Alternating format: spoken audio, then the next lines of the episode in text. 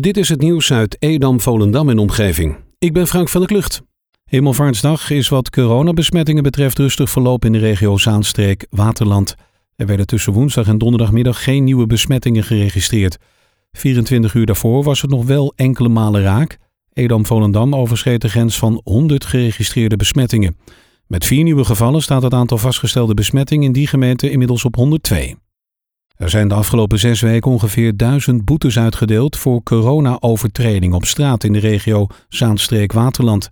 Het hoogtepunt was de week van 12 tot 19 april.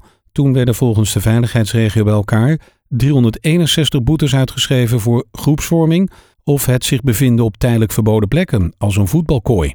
Daarna nam het elke week af. Sinds 11 mei mag er weer meer op straat als de afstand van anderhalve meter maar wordt bewaard. Verreweg de meeste boetes werden uitgeschreven door handhavers.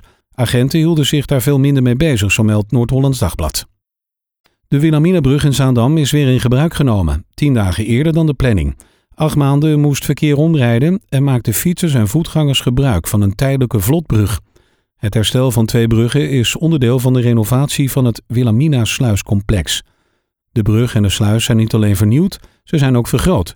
De brug is verbreed van 12 naar 14 meter, zodat ook grote schepen geschud kunnen worden. In de loop van de volgende week verdwijnt de pontonbrug naast de Wilhelminabrug.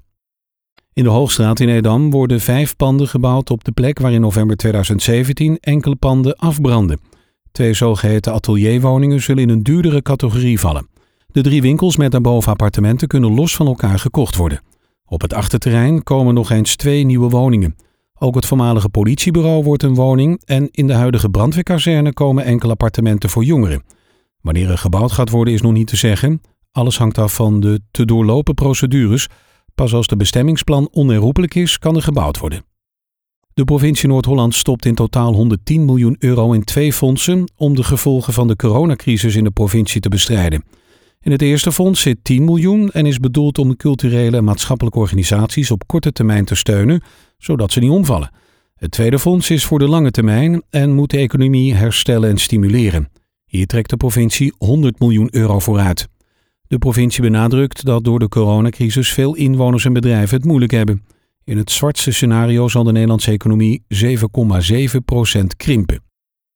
Op maandag 25 mei gaan de bibliotheekvestigingen Beemster, Edam, Landsmeer, Purmerend en Volendam weer open voor het lenen van materialen met zelfservice. Het inleveren van materialen kan 24 uur, 7 dagen per week via de inleverbus van de buitenzijde van de bibliotheek. De bibliotheek in Volendam is van maandag tot en met vrijdag open van 12 tot 3. Er zijn op deze tijden geen toiletten toegankelijk en er zijn ook geen faciliteiten als printen, kopiëren, koffie en thee, leestafels of computers beschikbaar. De voorbereiding en de planning kan gemaakt worden voor het aanleggen van de derde ontsluitingsweg in Edam-Volendam. Door het intrekken van het laatste bezwaar is er groen licht. De gemeente Edam-Volendam wil al langere tijd tussen de kruising N244 en de N247 en de dijkgraaf Porslaan de zogenaamde derde ontsluiting aanleggen. De reden daarvoor is dat het verkeer in Edam-Volendam regelmatig vastloopt.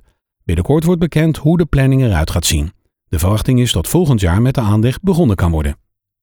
Dean James is tot 2022 verbonden aan FC Volendam. De vleugelverdediger, die dit seizoen een vaste kracht was bij jong FC Volendam in de tweede divisie, tekende zijn eerste profcontract. In de overeenkomst is een optie opgenomen voor nog een seizoen. James speelde sinds 2014 in de jeugdopleiding van FC Volendam. Zijn eerste optreden voor het belofteteam maakte hij al in het seizoen 2017-18. Dit seizoen kwam de linksbenige vleugelverdediger tot 20 wedstrijden in de tweede divisie. Schippers en rederijen met historische schepen zijn bang dat ze door de coronacrisis failliet zullen gaan. Verenigd in de organisatie Hollandse Zeilvloot zijn ze een petitie gestart om aanspraak te maken op meer hulp vanuit de overheid. Als er geen extra maatregelen komen vanuit de overheid, zouden veel schippers failliet kunnen gaan en daarmee verdwijnen hun historische schepen voorgoed uit het Nederlandse beeld.